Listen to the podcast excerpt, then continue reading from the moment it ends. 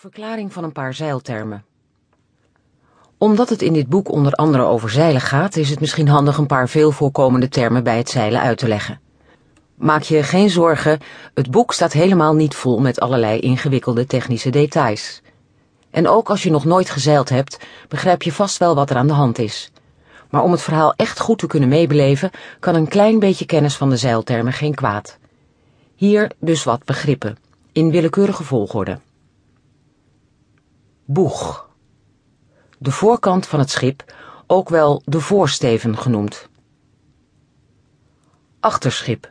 Het achterste deel van het schip, inclusief het achterdek waarop de roerganger staat. Bakboord en stuurboord.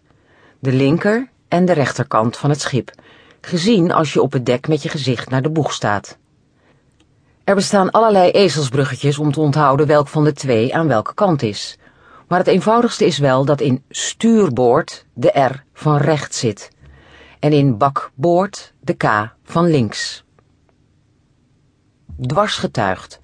Bij een dwarsgetuigd schip staan de zeilen dwars op de lengterichting van het schip, zoals bij de wolvenschepen van de Scandiërs. Langsgetuigd. Bij een langsgetuigd schip staan de zeilen in de lengterichting van het schip, zoals bij de reiger. Ra Rondhout aan de bovenkant van het zeil van een dwarsgetuigd schip. Gaffel. Rondhout aan de bovenkant van het zeil van een langsgetuigd schip zoals de reiger. Romp. Het karkas van een schip. Kielbalk. De ruggengraat van de romp. Roer. Het stuur van het schip. Het roerblad zit met roerpennen bevestigd, meestal aan de achtersteven, en steekt in het water. Helmstok. Het handvat waarmee het roer kan worden bestuurd. Verschansing. Het deel van de zijkant van een schip dat boven het dek uitkomt. Korvijnagels. Houten klossen waar touwen aan vast worden gemaakt. Oploeven. Naar de wind toedraaien. Afvallen. Van de wind afdraaien. Loefzijde, dat is de kant van het schip waar de wind vandaan komt. Lijzijde, de kant van het schip die van de wind is afgekeerd. Benedenwinds, gebied, ten opzichte van jezelf, waar de wind heen gaat. Overstag gaan, het schip zodanig een andere kant op sturen dat het door de wind heen draait. Je kunt niet met je schip recht tegen de wind invaren. Daarom moet je steeds overstag gaan en zo bereik je al zigzaggend je bestemming. Halzen. Als een schip overstag gaat, draait het door de windrichting heen om van koers te veranderen. Bij halzen draait het schip juist van de wind weg in een veel grotere boog. Voor wolvenschepen die er niet op gebouwd waren dat de wind vol van voor in het zeil blies, was halzen een veiligere manier om overstag te gaan. Windvaan. Wimpel op de achtersteven die de windrichting aangeeft. Strijken.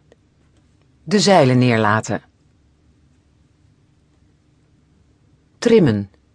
De stand van de zeilen aanpassen, zodat je de maximale snelheid behaalt bij een bepaalde koers. Reven. Een deel van het zeil op de ra of de gaffel binden, waardoor het oppervlak van het zeil kleiner wordt. Dit gebeurt als het erg hard waait. Reefknuttels. Touwtjes in een rechte lijn naast elkaar op ongeveer een derde van het zeil, waarmee een stuk van het zeil kan worden opgebonden als besloten wordt om te reven. Val. Touw waarmee het zeil gehezen wordt. Schoot. Touw waarmee je het zeil kunt strak trekken. Stag. Dik touw van de top van de mast naar een bevestigingspunt op het dek. Er waren vroeger een voorstag en een achterstag. Je mag zelf raden welk naar welk deel van het schip leidde. Tuig of tuigage. Nee, dit is niet de grootste onruststoker aan boord, maar een verzamelnaam voor alle zeilen, touwen en rondhouten, mast, ra, gaffel en giek op een schip. Rak. Een bepaalde afstand in dezelfde koers varen. Zo. Nu weet je zo'n beetje hoe het bij het zeilen